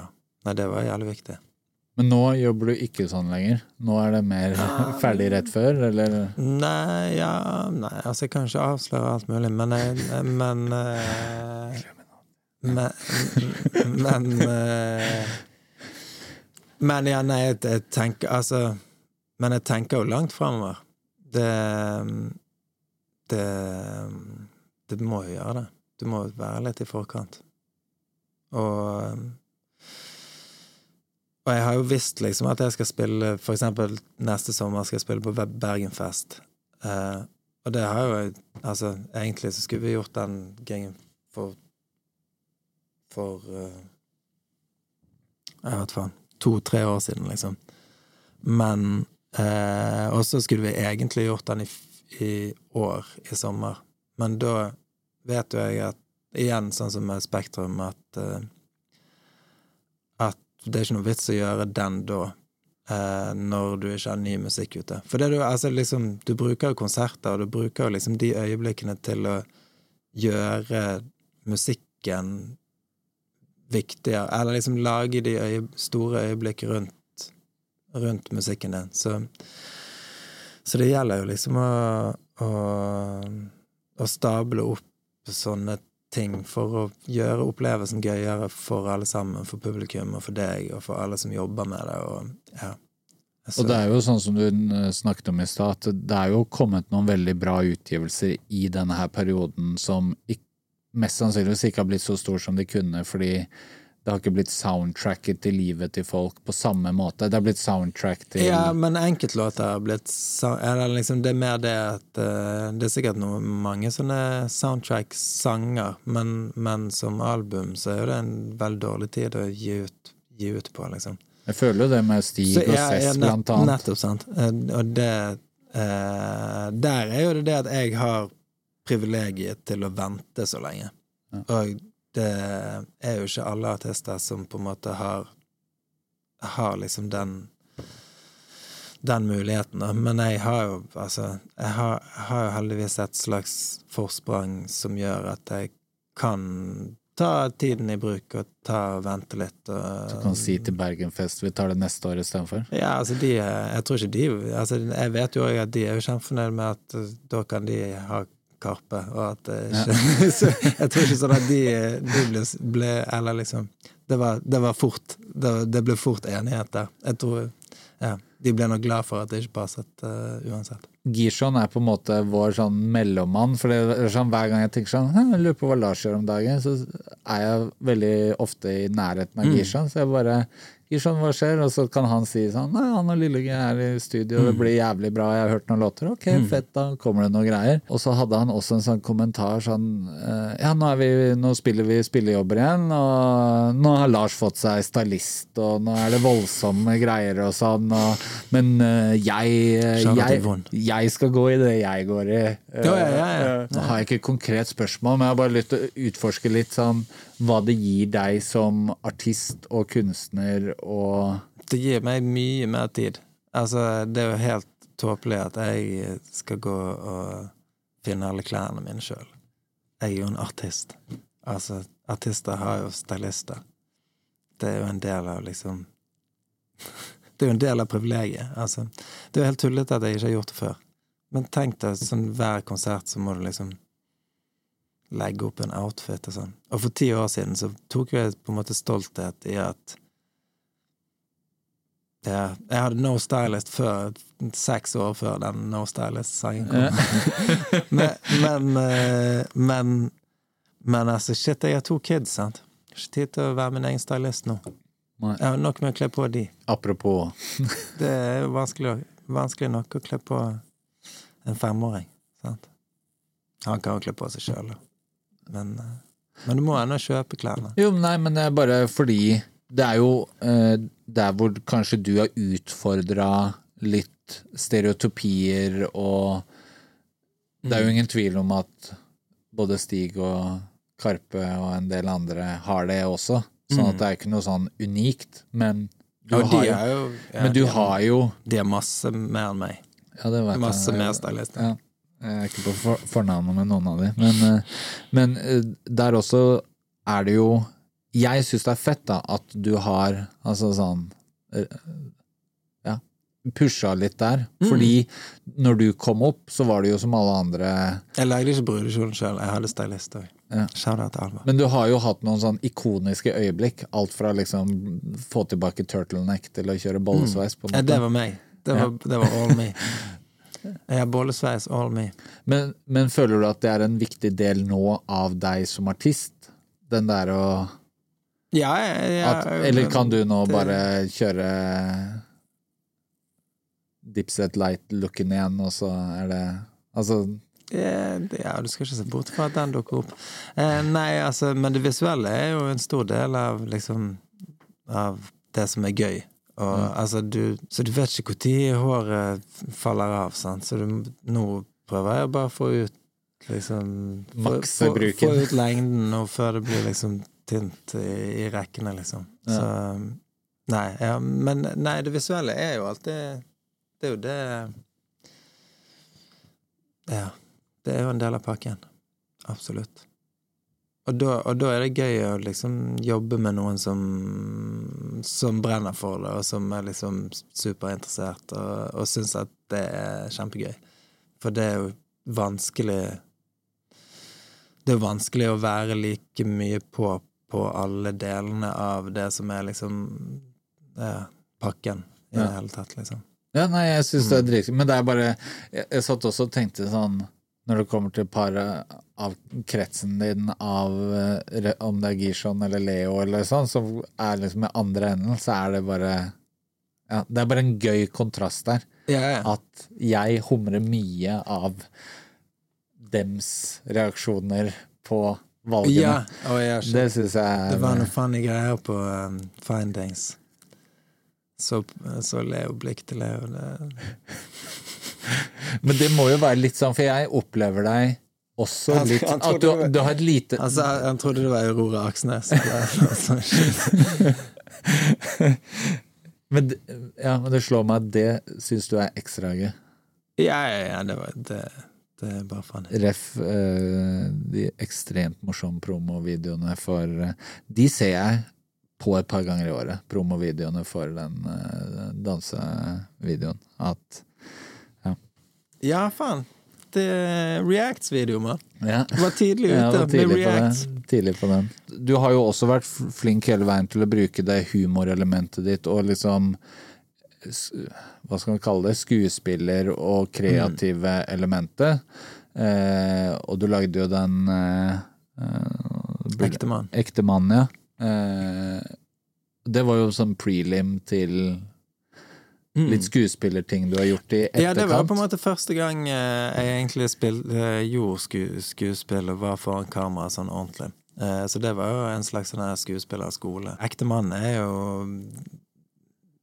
en, Det er jo på en måte min måte å by på privatlivet og by på meg sjøl. Selv. selv om det ikke er liksom et ekte privatliv. Men, men det er jo en slags sånn her serie som, som der, der vi egentlig gjør det samme som alle sånn eh, Tone Damli og Eller på innsiden av reality.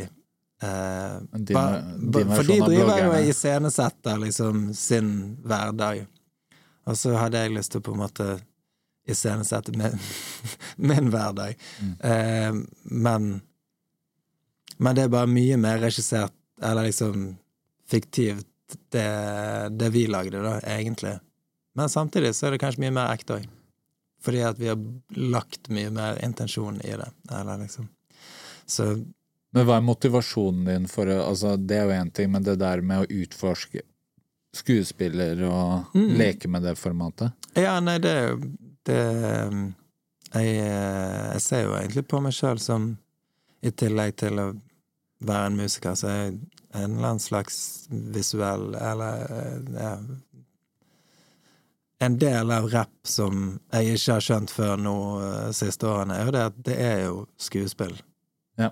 Det, altså, det er jo liksom du er Når du har den triste sangen, så eh, du har ikke Eller liksom Du prøver jo å gjøre stemmebruken etter hva sangen handler om, eller liksom hvem du snakker til, eller Det er jo et nivå av skuespill, liksom. Eller av voice, av liksom Du, du gjør jo forskjellige karakterer, Eh, og det Du hører jo når eller du, er noen rappere du kan jo høre Du kan se for deg hvordan de ser ut når de sier akkurat det de sier, på en måte, med den, det tonefallet eller den innlevelsen, eller liksom den uh, Ja, den måten å si noe på. Så, så det skuespillet der, det Det Det er jo noe som jeg har liksom øvd på jævlig lenge. Og så var det liksom prøve å få det foran kamera, og, og få hele kroppen med, og få hele Eller liksom Ja. Og det Ja, det er jo det, ikke sant? Rappere Men det er jo å utforske noe av det samme som jeg syns er gøy å stå foran mikrofonen med. Eller liksom, det er jo å uttrykke seg sjøl. Så, så um, Nei, det er interessant, det. Og så er du veldig god til å Det er der litt trollet i deg er. Sånn, du er veldig god til å fucke med folk med steinansikt. Å, ja, At det tar litt tid å skjønne kødder du eller kødder du ikke nå. Ja, det er vanskelig. Jeg, vet, jeg, prøver, jeg prøver å bestemme meg av og til. Bare, av og til så er jeg bare helt treg. Jeg bare lurer på hva jeg egentlig syns om dette, denne situasjonen. Men, eh, men det er jo kjempequality i skuespillet. At Ja, du, det er at du greier å bare stå, stå der, liksom. Så det, det, var, det skjønte jeg etter en stund at Jeg får bare late som ingenting. Liksom du får, Ja. Men jeg, jeg tror at Ja, nei, jeg, jeg tror at så lenge du greier å slappe av, eh, tilsynelatende iallfall foran kamera, så kan jo du spille. Eller liksom det, det er jo bare å se den andre personen i øynene og, og ta det derifra. Eller, ja. Og nå har du jo gjort jo Du var jo Tok imot et pass i Jordbrukerne, og så, Ja, ja. Spilt politi. Ja, Passpoliti. og så var du i Verden er min, som på en måte kjentes ut som Ja, det var jo en reality-serie fra Kunne vært en vanlig uke i Bergen. Der, der fikk jo jeg heldigvis en, en rolle som var lett å leve seg inn i. Å spille en produsent i et eh, studio er jo Jeg har jo sett som Eller det er jo egentlig bare å sette seg i den andre stolen. Ja. Og ha de samtalene som, som eh, jeg har hatt med mange forståelsesfulle og eh, sympatiske produsenter. Men det er helt seriøst. Det er jo liksom Jeg, jeg har jo bare tatt liksom det jeg har sett Frode og Tommy og, eller Poppa Lars, eller liksom bare sånn samtaler om Eller bare Jeg har jo vanvittig mye erfaring med hvordan produsenter er, liksom, så det, det å liksom bare sette seg i den andre stolen og, og skru opp eh, en bryter og skru, skru ned noe greier, det, det var bare kjempegøy. Men jeg har jævlig lyst til å, å gjøre andre roller, liksom. eh, Ja, fordi det er det jeg skulle si, at du har på en måte Ok, politiet var kanskje ikke veldig nærme deg, men den måten du var politi, var jo et hint av eh, deg. Ja, eh, og, jeg, og jeg, jeg må på en måte komme eh, Ja, jeg må komme litt ut av, eh, av meg sjøl. jeg Men det er jo det at det, det er jo improvisering veldig mye, liksom. Ja.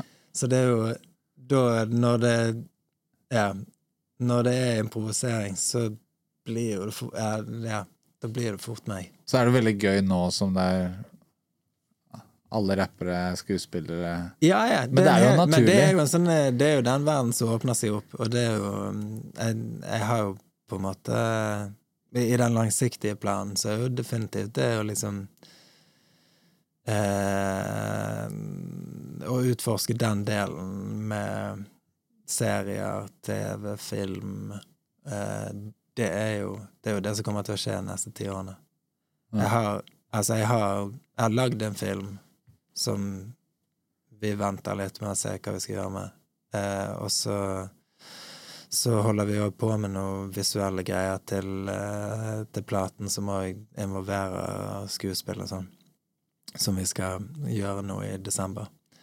Så, så det er jo jeg, jeg ser jo på um, Jeg ser jo det som en verden som jeg kan på en måte bruke mye av det jeg er god på fra før, og lære nye ting samtidig. Eh, sånn at jeg slipper å lage det samme albumet om igjen og om igjen. og om igjen. Eller liksom Ja. For ja. Da kan tre- kanskje litt kreativ input. Ja, du trenger liksom avveksling og gjøre andre ting. Og, ja. Så det eh, Det er jo noe jeg jobber på en måte i det stille med. Sånn eh, å, å finne fi, Finne mm, Ja, finne ut hvordan jeg kan bruke pennen min, og, men òg liksom skuespiller Eller, ja. Ja. Skuespiller og produksjon og alt det. Alt det jeg syns er gøy. Å gjøre det til jobben. Jobben sin, på en måte. La oss snakke om albumet. Hvorfor navnet Vintage Velour? Eh, nei, det er egentlig mest fordi Jeg vet ikke hvorfor jeg sa det sånn. Velour. Velour. Velour. Ja, men det, det er litt dumt at det liksom staves som velour med OUR. Men jeg, jeg, da blir det like mange bokstaver som vøler. Så hvis du setter velour og vøler opp etter hverandre, så ser det nesten ut som samme ordet. Eh, men egentlig så de bare kaller meg velur. Eh, fordi at det var en eller annen dame som en gang eh, Kanskje det var liksom på SAS eller et eller annet sted der du leser opp navn, så var det liksom Lars Velur. Lars Velur. Kan du komme? Lars Velur. Og så syns vi det var et veldig fett navn. Så Vintage Velur er vel egentlig Det er bare vintage, vintage vøler. Har du blitt vintage? Mm, nei, platen er vintage vøler. Ja. Eller liksom Jeg føler den samlingen av låter, det, det Ja, for du Det- føler at det er litt sånn Tilbake det til start, eller ikke start, Ja, men tilbake til greiene. Eller Ja. tilbake til stripene. Det Ja. Jeg føler ut, jeg, håper jo at det ikke er liksom sånn repetering, men, men jeg føler jo at eh, At det er å plukke opp igjen tråden, på en måte. Men det, men det var jo ref det jeg sa i stad, at jeg tror meg At jeg gjør Det gjorde at jeg syns at jeg likte skiva veldig godt, fordi det føltes ut som jeg fikk det du ikke evnet å gjøre for x antall år siden, fordi du ikke var der i livet, ferdigheter Ja. Det gjorde du nå. Så jeg fikk på en måte vite åssen Lars Vaular høres ut om han føler, er komfortabel og Jeg, jeg føler det er noe tidløst med skiven, da, på en måte. At eh, det kunne, en, en låter kunne vært fra liksom 2012, eller liksom. Men samtidig så er det, er det Ja, men i en positiv Ja, ja, alt er positivt. Altså, jeg selger den platen 100% Jeg går god for dette produktet. Det å lage tidløs musikk gjør jo at du også kan pushe den et år. At du kan Ja, At du har det, Jeg tror det er altfor mange som lager musikk som Vi må slippe det til høsten fordi Mm. det er ikke relevant i våren. Ja. Og hvis man lager god musikk, så kan man jo bare Og det føler jeg også når, hvis jeg gjør et veldig godt intervju, så er jeg sånn Jeg kan sitte på det til våren fordi Ja. den samtalen er like god da som den er i dag. Og det er jo mitt mål med det jeg gjør, er å prøve å klare å lage og ha en sånn samtale. Um, og det følte jeg at du klarte med den skiva her. At Ja, faen takk, for det, det, det er jo en ambisjon og et mål å liksom lage noe som, som står, står tiden, eller tåler tidens tann. Så, og det er jo Men jeg tror at uh, tittelen òg kommer litt av, av det, da, at jeg kunne, eller vi kunne jo gjort ferdig skiven i 2020 hvis det var, var på en måte tid for det. Ja. Men uh, Men så Så har jo Og sangene har Det er flere av de sangene som har gått liksom gjennom mange skifter sånn med produksjon, og plutselig er det en annen takt og et, en annen BPM og sånn. Så de har jo forandret seg masse. Men, men jeg tror på en måte det viktigste er meg som er liksom grunnstammen i det, og som er eh, den som lager ordene og velger, velger liksom stemmen og ja. en annen ting som jeg og, tenkte og det er jo meg. Eller det er jo det, er jo det som er tidløst uansett. Det er meg. Jo, men det, ja, og det også var som vi toucha på i stad, bare litt den der Mike Skinner-referansen. Mm. At det bare føles ut som ja, å henge med deg, på en måte. Ja. Og det Det er jo det jeg sitter igjen med òg. At ja, nå er jeg bare Men det er jo, det er, det er jo mye litt sånne pub Pub-vibes. Ja. Vandrehistorier. Ting jeg sier. Eh, Men jeg, jeg, jeg, jeg skjønner det. Men det er noen ville låttitler, da. Det må jeg si. At det er jo hele setninger. Ja. Pene biler brenner penere. Ja. Det er en bra tittel. En svær keys i en Nissan Leaf. En svær kis i Nissan Leaf. Ja, men det, er- Men det hørte- det så nesten konseptuelt. Sånne, ja, men det er jo liksom sånne ting du, du prøver å finne og bygge et album ut av, så ser du liksom at å ja, shit. De her titlene ser bra ut etter hverandre. Ja. Det, altså, det trenger ikke være mer komplisert enn det, men liksom jeg leter etter liksom tråder til å bygge ting sammen med, liksom. Men så Dette albumet er jo Det handler jo en del om biler, da. At det er forskjellige biler. For jeg har spilt inn noe på Økeren. Så Ja. egentlig så er det et slags sånne, en tribute til Økeren som, som sted. Ja. Det er et sted der gamle bilverksted og masse forskjellig bilopphuggeri og liksom Det er også der sånne bilen din blir taua. Så havner den der. Ja, så jeg sånn. har vært der og, Og kjøpt ut noen biler. Det er mye sånne ting, så, og byggeplasser og sånn. Egentlig så er det et sted som sånn visuelt Det minner meg jævlig om Åsane, der, der jeg vokste opp. Det er Der hvor jeg bor. Og, sånn, parkeringsplasser og fotball Eller du har de fotballbanene borte på Valle og sånn før du kommer til Økeren. Men, men alle de der Det der området der, det ser liksom ut Det ser ut på en spesiell måte. Så det er liksom Pene biler brenner penere. Svær kis i en Nissan Leaf. Det er jævlig Og- og funny når låttitlene nesten rimer seg imellom. Ja. kun legender i min kalender. Eh, må ikke glemme den.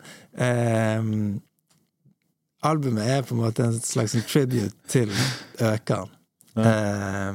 Så som minner deg om Åsane fordi du har lagd en skive Ja, som minner deg om gamle dager. Jeg Wow, mimrer på en måte òg i mitt eget liv på grunn av hvordan jeg ser liksom For hver gang jeg går til studio, så går jeg liksom gjennom sånt, en bydel som Der du ser liksom hvordan det endrer seg. Det går fra liksom bilindustri som blir lagt ned, eller fabrikker som blir lagt ned, og så blir det byggeplasser, og så blir det boliger til barnefamilier.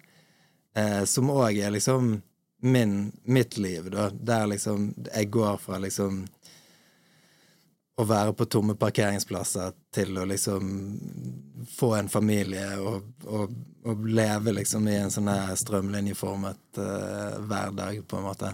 Eh, så jeg, jeg ser jo på en måte som økeren som et slags sånn bilde på livet mitt, og at eh, sangene jeg har lagd, og musikken, de har liksom De forteller da om økeren i endring, som går fra å være liksom sånn eh, fabrikksted og bilsted til å bli liksom sånn familievennlig og sånn. Og det, det, er jo litt det jeg føler reisen min er òg, da. At jeg går fra å være en sånn diesel eh, toxic person til, Til å være Nissan Leaf? Ja, til, ja, til Nissan Leaf, på en måte. Jeg ble bare satt ut når du sa at vintage vel, eh, velur er like mange bokstaver som Lars Værland. Det var bare der jeg Ja, ja, for bare, egentlig ja, skulle, Men egentlig ville jeg kalt albumet Vintage Velur, men bare en U. Fordi at jeg sier liksom Vintage Velur. Ja. Jeg sier ikke velour. Nei. Selv om det er en viss allure med velour. Og det er jo Lille G som har produsert skiva. skiva. Hva er det som funker så godt med dere to? Og Vi det er er- jo litt av et comeback, på en måte. Eh, vi har jo eh, aldri liksom egentlig lagd musikk sammen, men vi har veldig like musikalske referanser og liksom innfallsvinkler. Så Glad i østers. Eh, ja, han er jo glad, glad, i, glad i vin, tennis og østers. Eh, men men, men det, det er jo på en måte å, å Det å lage musikk, føler jeg Eller liksom Jeg liker å jobbe med én produsent ganske mye. Eller ikke så altfor mange, iallfall. Sånn at du kan liksom lage noe særegent sammen. Og med han så er jo det en person som jeg egentlig har kjent i 20 år, men, men aldri laget musikk sammen med, så mange, jeg tenker at mange av våre ideer fra 20 år siden har på en måte kom, endelig fått liksom komme sammen, da. Eh, så det, det Ja.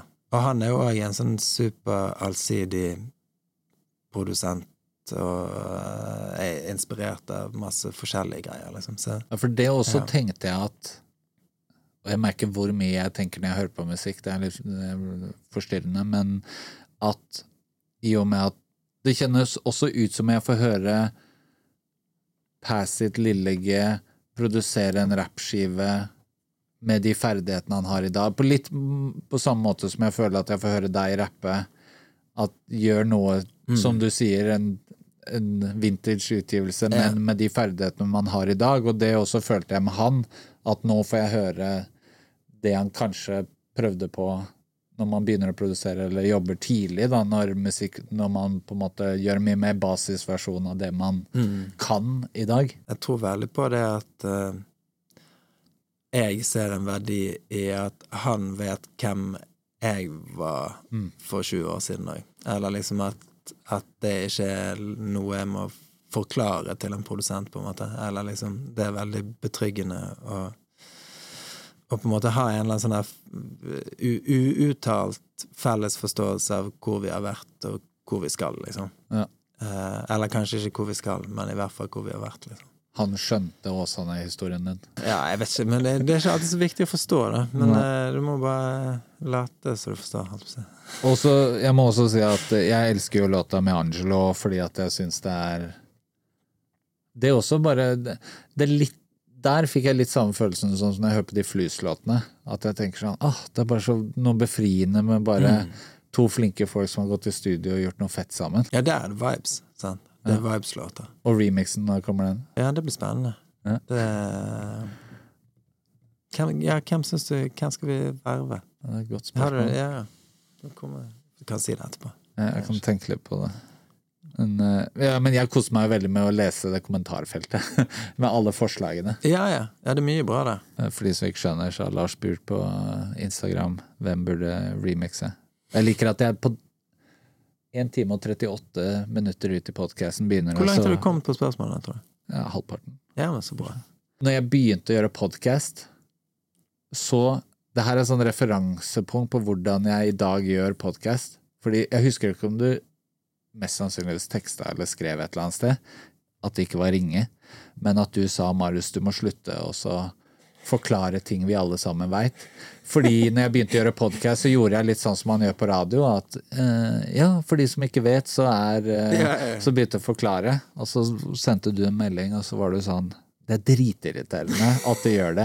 Alle som hører på en YLTV-podkast, vet Ja, hvem de alle disse seg- folkene De er. har allerede trykket seg inn, liksom. De vet jo hvor de er.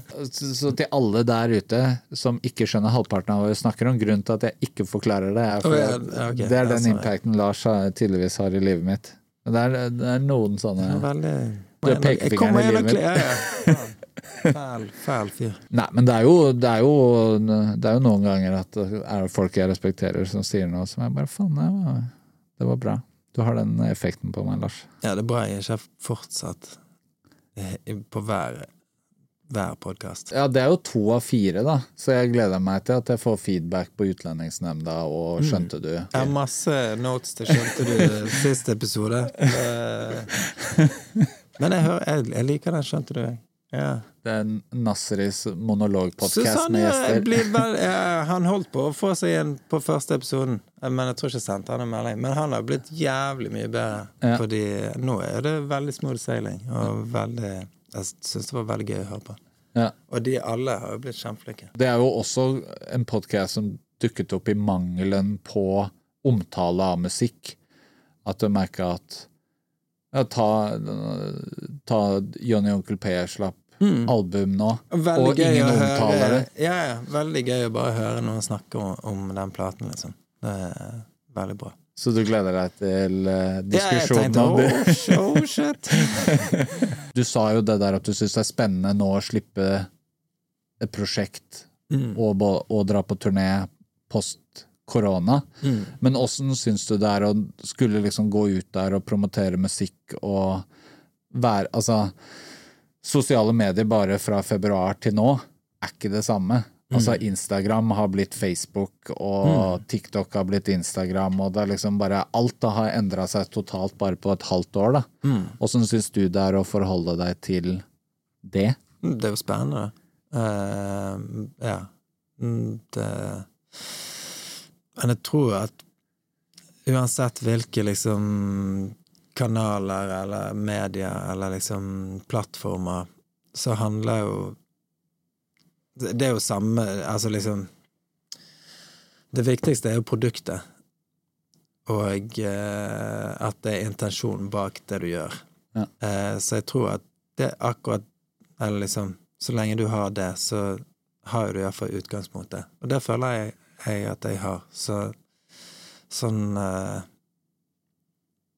Ellers så gjelder det på en måte mest å bare få hjulene i gang. Jeg opplever jo det folk liker på TikTok som et motsvar til at nå har, med nå har unge mennesker levd med Instagram i mange år, hvor alt er kurert, polert, og at det man setter pris på nå, er at noen. Står opp med morgensveis og bare trykker svar på denne kommentaren, og lager et svar. Eh, Det virker iallfall som det er det som er mest liksom interessant for Eller liksom som folk flest sjekker ut. Det er liksom det Men eh, sånn Men det til og med der så er jo det sånn helt rare nisjer, liksom. Altså, du har jo eh, Du har jo sikkert science-TikTok som bare Eller liksom Du kan jo sikkert Du kan bruke Altså, du kan skrive noveller. Du kan jo eh, du, det, det gjelder jo egentlig bare å ha gode ideer, og det jeg ser på som den største utfordringen, er at du må ha jævlig mye, og du må Ja. oppdatere hele tiden, fordi at det Ain't nobody got time for that. Og vi har allerede vent oss til det- deg det på er- Instagram. Altså? Nei, vi har jo allerede vent oss til måten du bruker Instagram, at det kommer et bilde i, Eh, Ja, ja, i once in a blue moon. Det, det er jo min på en måte største utfordring, er jo å liksom gjøre masse hele tiden. Sånn som altså, vi snakket om tidligere, med at jeg trenger tid til å gjøre et album ferdig. Ja. Jeg trenger også tid til å gjøre Gjøre en sosial mediepost ferdig. Eller liksom ting tar jævlig lang tid. Det, ja. Og, Det- og historisk. Det, sånn sett, så det er jo liksom sånne ting som jeg bekymrer meg for. Bare sånn her at min eh, Mine grunnverdier og min, min måte å gjøre ting på er mm, Er egentlig motstrøms til eh, Til hva liksom eh, for eksempel utviklingen er. Eller liksom alle Hvordan sosiale mediene er. Det er liksom hele Det er kvantitet istedenfor kvalitet.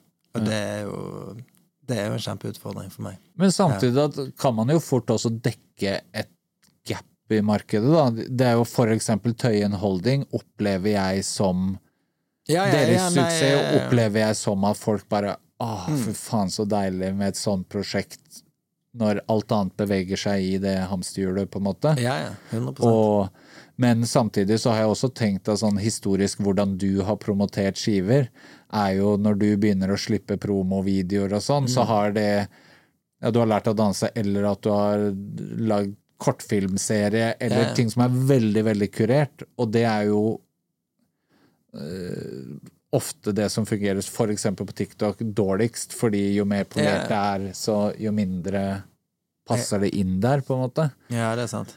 Og at det der å skulle by på seg selv er jo også det du har holdt igjen på, så det er ikke Det er jo faen Folk bygger seg opp og bare har null filter og utlevere og bruke det som dagbok, og det Så derfor var det interessant å høre hvordan hvordan, nei, Porsche, det- hvordan passer du inn i den Ja, nei, det er det som er det store spørsmålet. Eller liksom det, det Men du må Du må finne ut hvordan Hvordan de tingene fun skal funke for deg. Men igjen, så altså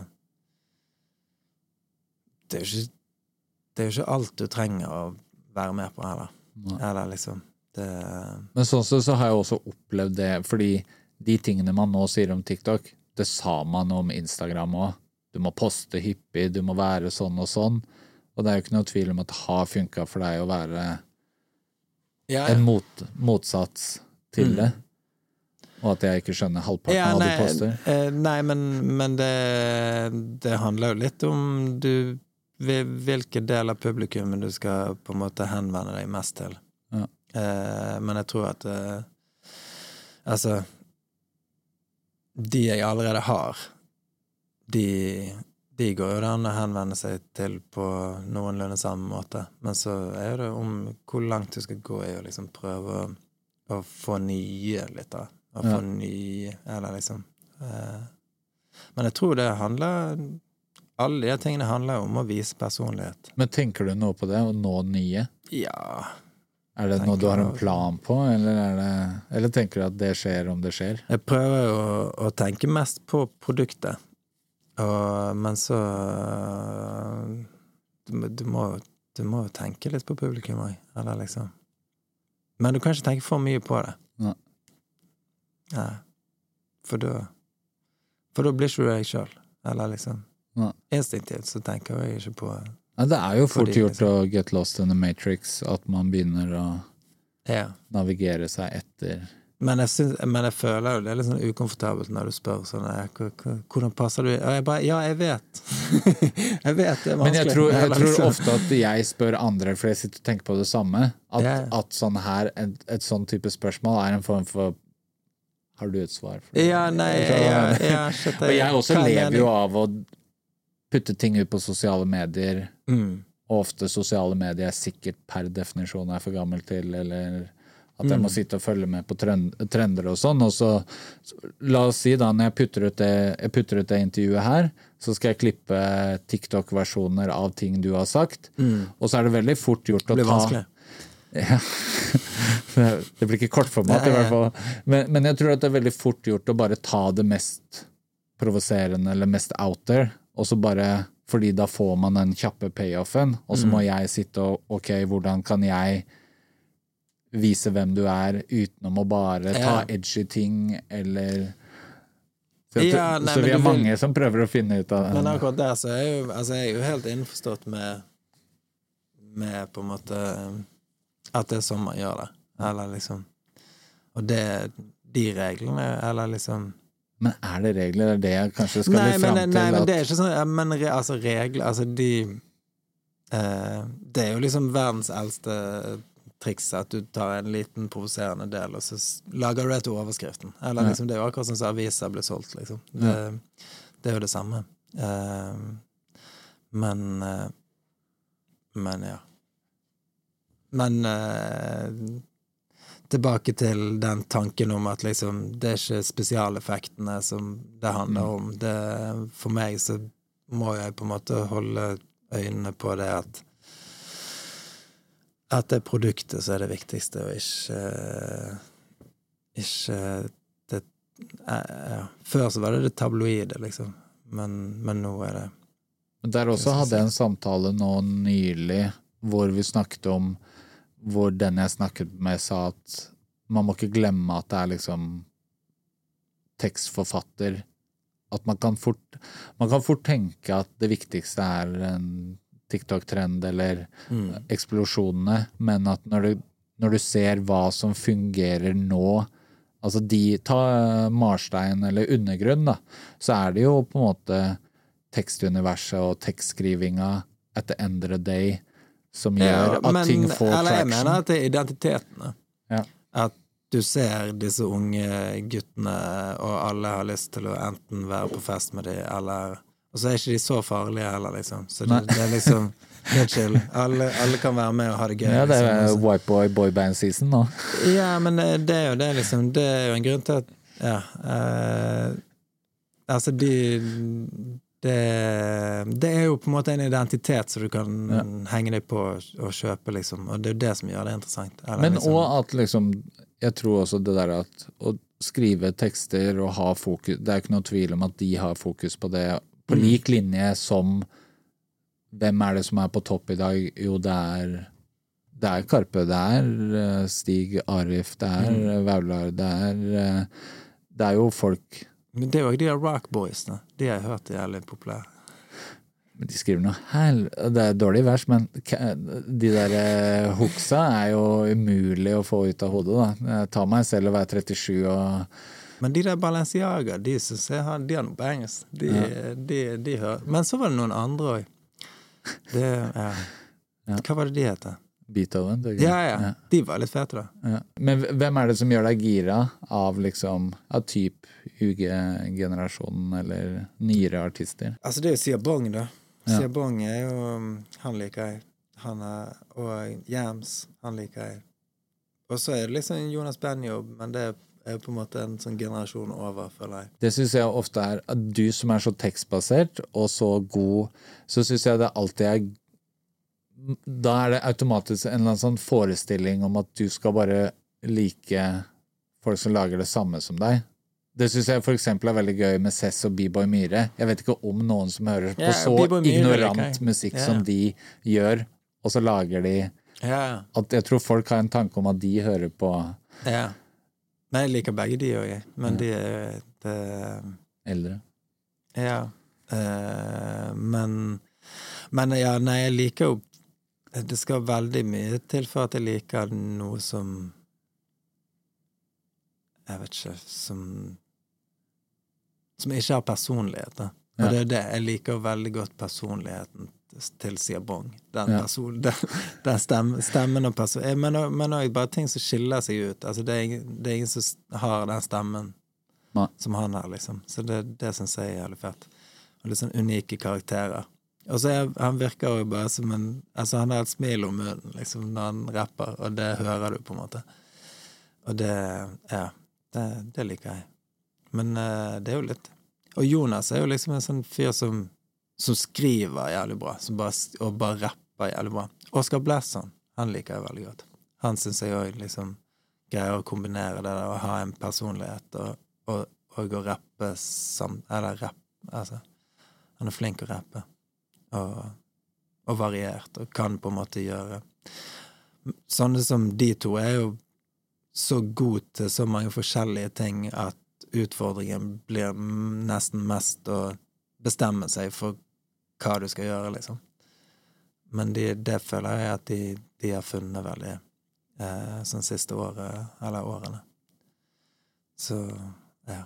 Men det er jo Det er jo Det er mange rappere der ute, da. Ja, det er jævlig mange. Og så er det liksom sånn der FY Stacks. Stemmen hans er bare altfor kul, liksom. Ja. Det er det han heter, sant? Ja. Han har jævlig kul stemme. Men der er det òg liksom Kanskje noen år så finner du mer noe Ja. Ja, han er jo 17 Noen da. andre ord, på en måte. Ja, men det er jo litt sånn som vi snakket om Ja, i, ikke- i mitt ikke- intervju med han også. Ikke At, begynn med hva vi gjorde når vi var 17, liksom. Sant? Så det er jo nei, og veldig greit at ikke YLTV fantes da. 100 Veldig bra. Nei, men takk for intervjuet, og så får du komme tilbake. Takk for at du stiller alle de andre Ja, ja. spørsmålene.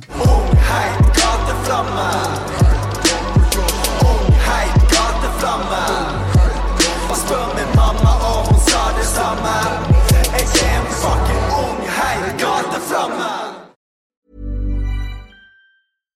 Imagine the softest sheets you've ever felt. Now imagine them getting even softer over time. That's what you'll feel with Bowl and Branch's organic cotton sheets. In a recent customer survey, 96% replied that Bowl and Branch sheets get softer with every wash. Start getting your best night's sleep in these sheets that get softer and softer for years to come. Try their sheets with a 30-night guarantee. Plus, get 15% off your first order at bowlandbranch.com. Code BUTTERY. Exclusions apply. See site for details.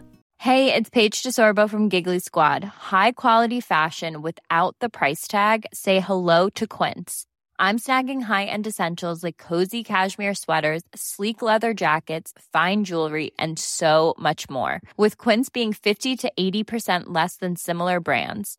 And they partner with factories that prioritize safe, ethical, and responsible manufacturing. I love that. Luxury quality within reach. Go to quince.com slash style to get free shipping and 365 day returns on your next order. Quince.com slash style.